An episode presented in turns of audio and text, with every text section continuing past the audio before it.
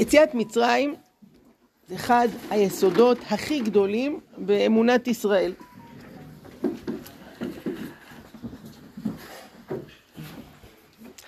כאשר הקדוש ברוך הוא מתגלה בהר סיני, אז הוא לא אומר, אנוכי השם אלוקיך אשר בראתי את העולם. מה הוא אומר?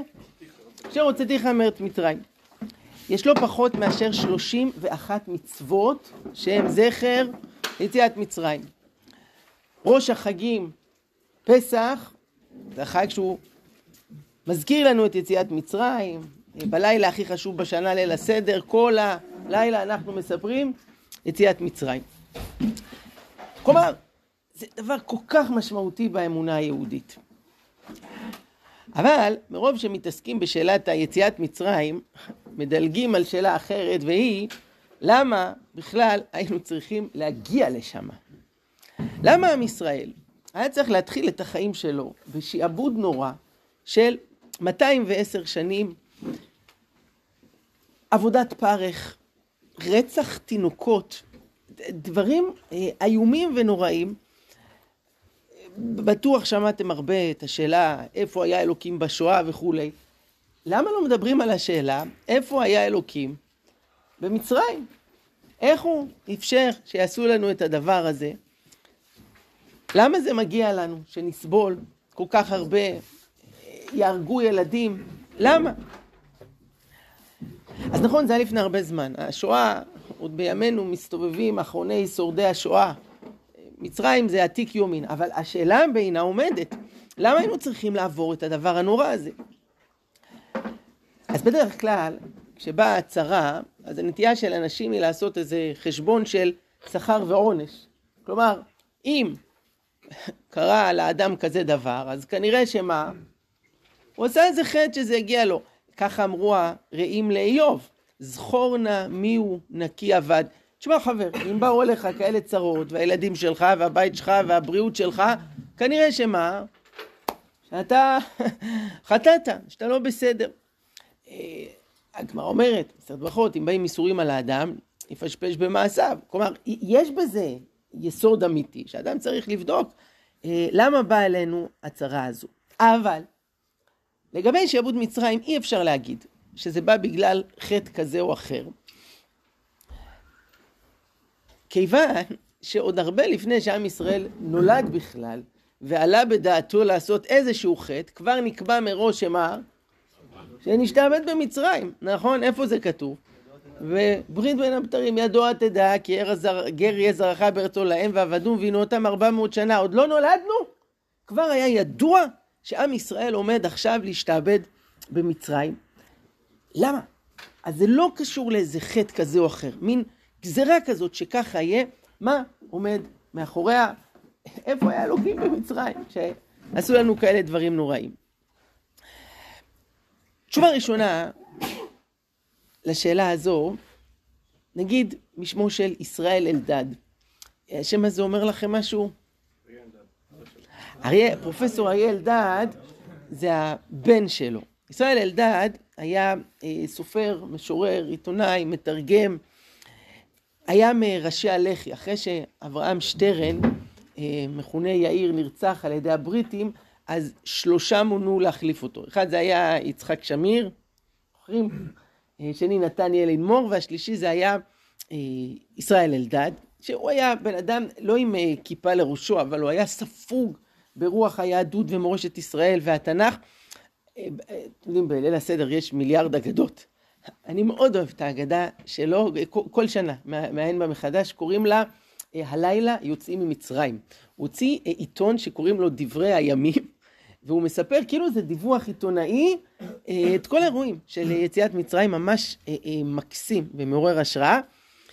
על שמו יש את כפר אלדד, הוא עצמו נפטר בגיל 85, קבור בהר הזיתים. והבאתי כאן קטע ממנו, מי שיש לו בדף, מי שלא שיקשיב, הוא, הוא, הוא אומר כך: גלות זו ושעבוד זו על מה באו? על כל הגלויות הבאות נמצאו נביאים ונמצאו חכמים אשר ניבאו ואשר הסבירו סיבתן. והעבדות הראשונה הזו, על מה באה? על אלו חטאים, הרי טרם נצטוו במצוות וטרם עברו עליהם. מוסיף פה עוד טיעון. אתה יכול להגיד עבירה כשיש מצווה, אבל עוד לא הייתה תורה, אז אין מצוות. אז איזה חטא הם עשו שיבוא עליהם הדבר הזה? על כורחך אתה אומר, כי הגלות עצמה חטא. גם אם תחילה לא באו, אלא לגור, להיות גרים בה, סופם שישתקעו בה. ועל כורחך אתה אומר, שאלמלא השעבוד לא היו רוצים לצאת כלל, ושעבוד צורך גאולה הופך להיות חוק הדיאלקטיקה ההיסטורית. אומר ישראל אלדד, יש לגלות נטייה שגורמת להתאהב בה. ובן אדם, שאולי בהתחלה עוד היה לו רצון להיפטר ממנה כמה שיותר מהר, עובר שנה, שנתיים, מאה, מאתיים, והוא כבר משתקע ומתבסס, והוא עלול להישאר פה לנצח. האמת שראינו את זה לכל אורך ההיסטוריה. אה, אחרי 70 שנות גלות בבל, נחרב המקדש לפני 70 שנה, שזה לא הרבה זמן בחיים של עם, והיה אפשרות לחזור בחזרה, הצהרת כורש, אתם יודעים כמה חזרו? 42 אלף איש, מתוך מאות אלפים, מתוך אולי מיליונים. ומי חזר? אה, הפשוטי העם, העניים, אלה שגם ככה לא היו צלחים, לא הסתדרו שם, אז הם באו בחזרה. מה עם כל השאר? נשארו. אה, זה... שיש סיפור ארוך בעניין, אני... בקוצר הזמן אני אגיד במשפט, ש... אמ, סבא שלי, אמ, זה סיפור ככה שעובר אצלנו במשפחה, אה, אמו קראו לה בת שבע, והיה שם סיפור עצוב של אה, הונאה, אבא שלה נפטר והשאיר איזה ירושה יקרה, ובא איזה קרוב משפחה ואמר לה, אמא תני לי את ה... זה היה איזשהו תכשיט מאוד מאוד, מאוד יקר, ועוד איזה כתב הסמכה להיות שוחט, והוא אמר תני לי את זה ואני אדאג לחתן את הילדה שלך עליי, אתן לך בעל, שמחי עליי. הבן אדם פשוט לקח את הדברים והסתלק והשאיר אותה בלי כלום. והיא בכתה, מה יהיה עם בת שבע, ומי ייקח אותה, ואיך אני אדאג לה. ובסוף, היות שלא היה כסף, ולא היה נדוניה, ולא היה כלום, היא התחתנה עם איזה נגר שקראו לו ברוך. אמ, זה מה יש, יהודי פשוט. סוף דבר היה, אני אקצר את הסיפור, אה, ברוך עלה לארץ. היה ציוני וגם היה לו אה, עבודת כפיים, אז הוא עלה, סידר אחרי זה אה, סרטיפיקט לאשתו ושלושת הבנים שהיו. כל הכפר, כל המשפחה הרחבה, כולם נספו בשואה, לא נשאר אף אחד. היחידים שניצלו זה היה בת שבע וברוך, שהבן שלהם זה סבא שלי.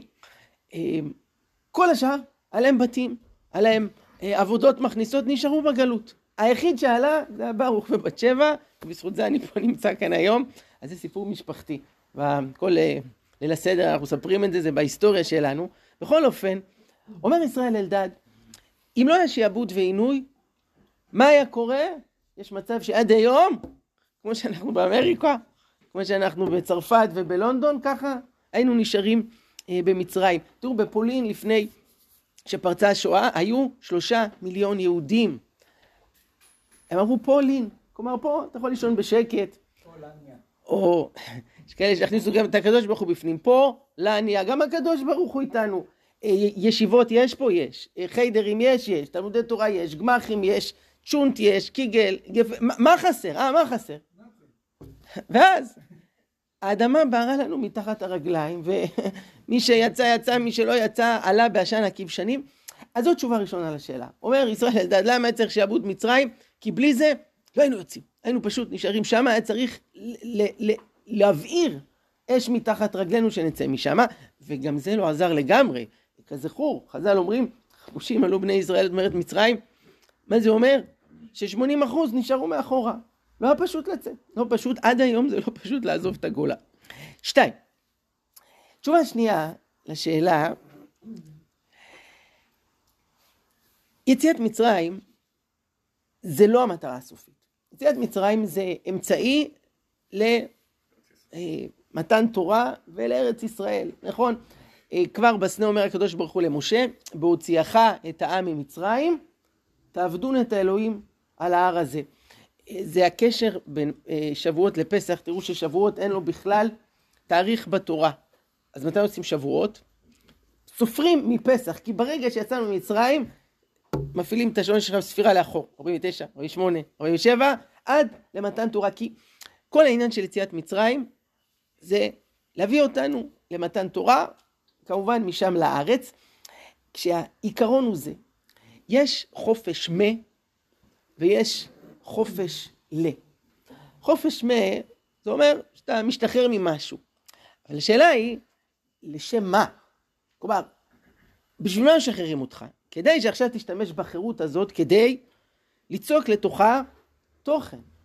בתפיסה היהודית יצאנו ממצרים בשביל אה, להיות לעם השם, לקבל תורה, לקבל דרך. נגיד אה, בסוגריים, אה, אחד המשברים של החופש הגדול, זה שהרבה ילדים מחכים מחכים לחופש, שלא יהיה בית ספר, נהיה חופשיים, נהיה משוחררים, אין שיעורי בית, אין מבחנים, אין עבודות, ואז יוצאים לחופש, ומה הילד מגלה? משעמם. הוא השתחרר מבית ספר, אז עכשיו מה הוא יעשה? יטפס על הקירות? יושב כל היום מצפה בטלוויזיה, במחשב? השאלה, מה מכניסים בתוך התוכן הזה? אנחנו חיים היום בעולם שמדבר הרבה על חירות, על חופש, אבל השאלה היהודית היא, זה, זה לא רק חופש מה, אלא חופש ל, לשם מה.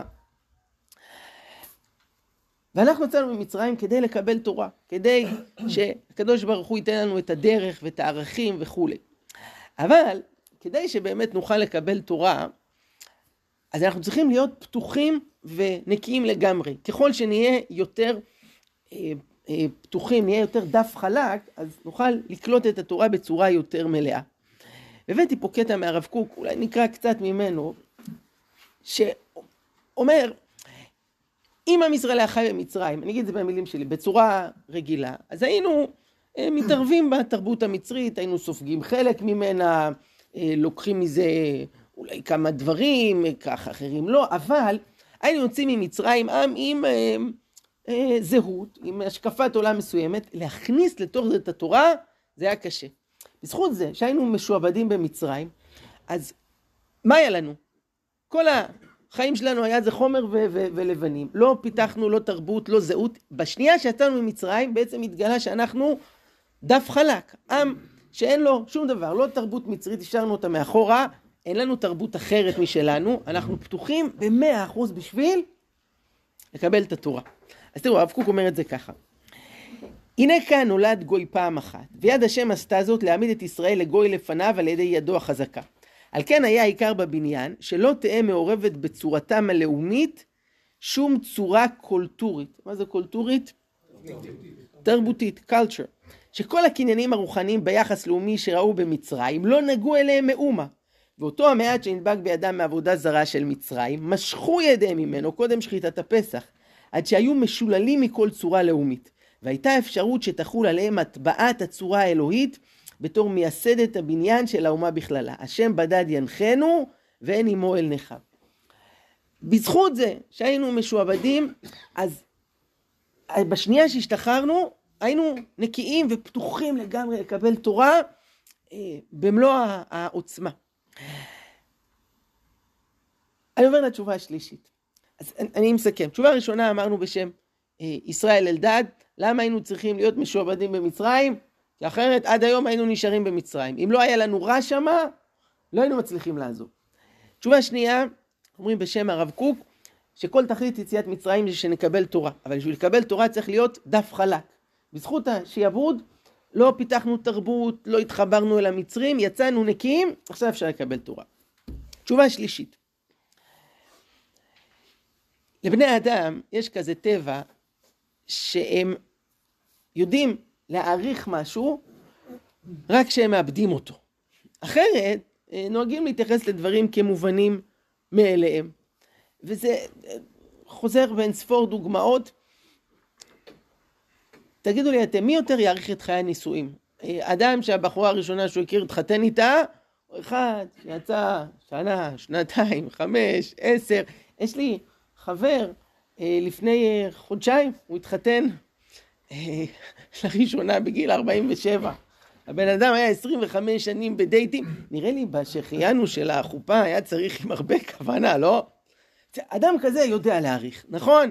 כי כשכל כך חסר לך ואתה מרגיש את הבדידות, אז אתה יודע הרבה יותר להעריך את הדבר הזה. למה אנחנו לא מספיק מעריכים את מדינת ישראל? למה? כי נולדנו לתוכה, מבחינתנו זה מובן מאליו, יש מדינה, יש אה, צבא, יש... בוא נגיד שבשמחת תורה תשפ"ד, אה, כל מי ששכח קיבל איזה טעימה קטנה, איך, איך אנחנו נראים כשכביכול אין מדינת ישראל, כשכביכול אין צבא ואין משטרה, איך, איך זה נראה? סיוט, אסון. אז, אז מי ששכח, הנה, קיבל איזה תזכורת קטנה. כן, אני לא בא להסביר למה זה, אני רק אומר, הנה, זה היה תזכורת. אה, למה ילדים לא מספיק מעריכים את ההורים שלהם? כי מרגע שהוא נולד כבר חיתלו אותו, טיפלו בו, קמו בלילה, הביאו לו את המוצאת, הלבישו אותו, הסיעו אותו, עשו איתו שיעורי בית, לקחו אותו לחוגים, ובכל זאת זה מובן מאליו. אה, עושים לו את הכל. אה, השבוע אה, התייעצה איתי איזה אימא, היא אמרה, הבן שלי בן 15, הוא עושה שניצלים אה, טוב. אז אמרתי לו, אה, לשבת תעשה שניצלים למשפחה שיהיה לסעודת שבת. אתם יודעים מה הוא אמר לה? הוא אמר, אמא, אני לא עובד אצלך. אה? אמרתי לה, את צריכה להגיד לו, חמוד, לא, אתה לא עובד אצלי, אתה רק גר אצלי, אתה אוכל אצלי, אני הלבשתי אותך, הסמארטפון שלך, כל מה שיש לך זה פה בבית. ואנחנו באהבה מגדלים אותך כבר 15 שנה, יש לך פה איזו הזדמנות קטנה להחזיר איזה, איזה משהו, אחד מבין מיליון הטובות שאתה קיבלת עד, עכשיו, להיות קצת שותף במשהו מכל מה, אז בוא, נצל את ההזדמנות הזאת. אבל מה פתאום ילד אומר דבר כזה? כי הוא גדל בבית והוא רגיל שהכל הוא מקבל, הוא הלקוח, יש שירות לקוחות, דואגים לכל צרכיו, הלקוח תמיד צודק, למה שהוא צריך להזיז את עצמו לעשות משהו? מתי בן אדם מתחיל אה, להעריך איזה דבר? כשהוא מאבד אותו, כשהוא, או, או כשהרבה זמן אין לו את זה והוא מרגיש מאוד את החיסרון שלו.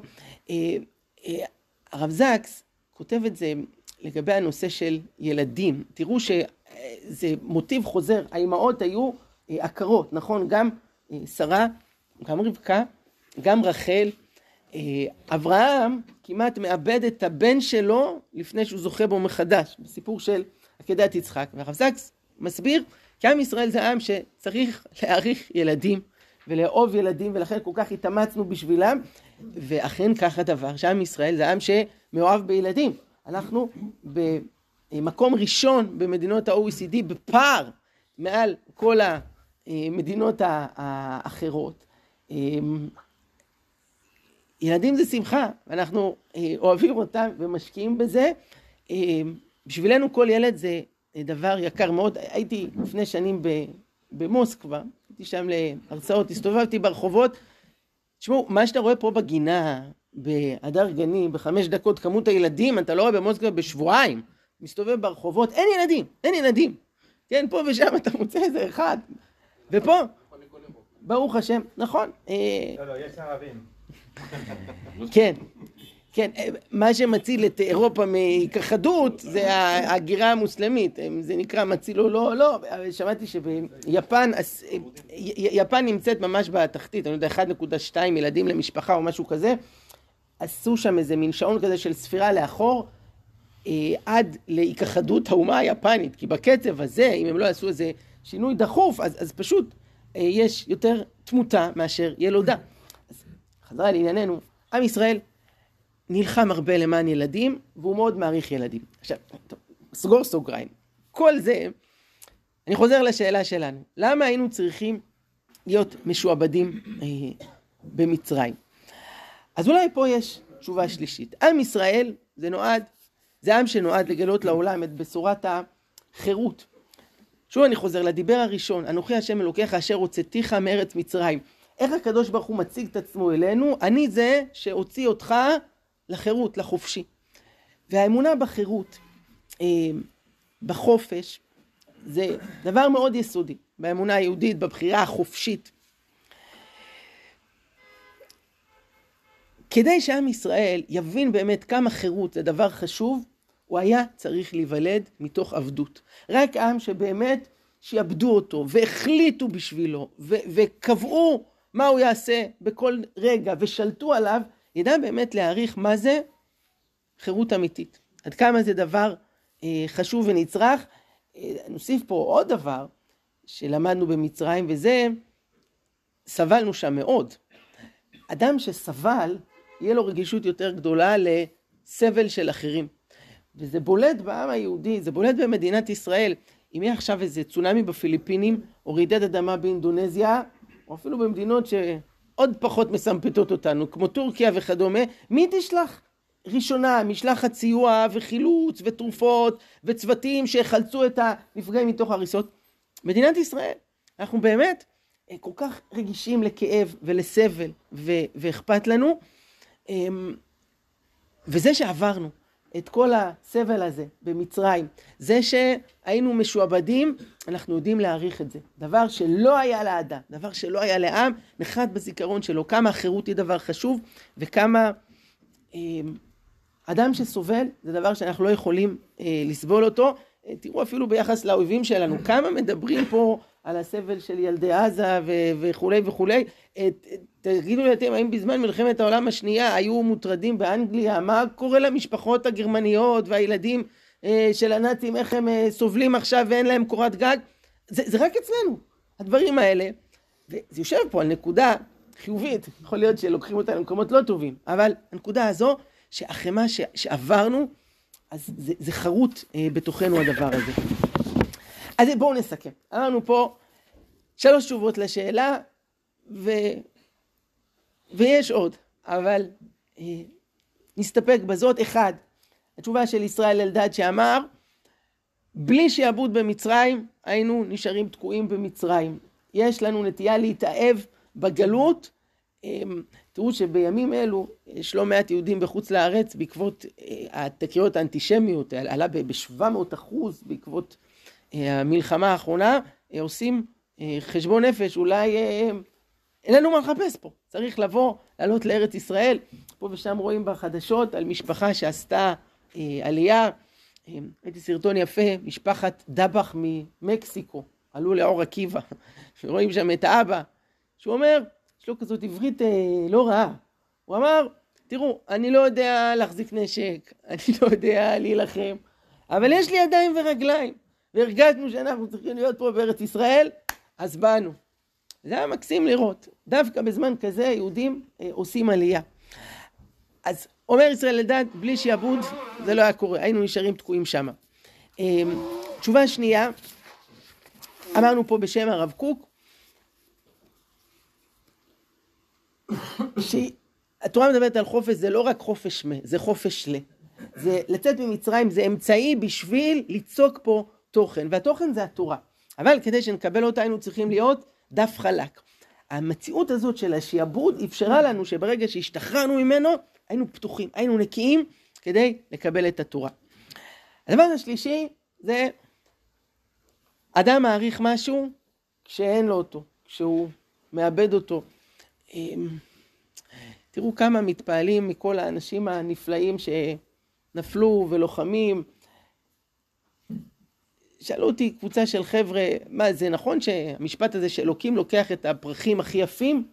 אמרתי להם זה לא נכון. פשוט אנחנו מוקפים בכל כך הרבה פרחים יפים, רק שאנחנו לא רואים את זה עד שמישהו כבר איננו, אז מתחילים להגיד וואי איזה בן אדם הוא היה ולהצטער על זה. אבל האמת היא שאם נפקח את העיניים, כמה אנשים טובים ונפלאים יש בינינו, מה, הם צריכים למות בשביל שנתחיל להעריך אותם? בשביל שנגיד להם את זה? בשביל ש, שנרגיש את זה? לא, יש כל כך הרבה פרחים יפים אה, מסביבנו. אבל כשבן אדם רגיל למשהו, מתייחס אליו כמובן מאליו. אה, עם ישראל היה צריך להרגיש מה זה להיות בלי ילדים, בשביל שהוא כל כך ירצה ילדים, ועם ישראל היה צריך להיות בלי חירות. בשביל שהוא ידע להעריך את החירות ולהילחם עליה. עם ישראל היה צריך להרגיש מה זה אה, אה, סבל ועינוי בשביל שכל ההיסטוריה שלו, כשהוא יראה מישהו סובל, אז הוא יצא לעזור ויושיט לו יד. שבת שלום, תודה רבה. ברוך אתה אדון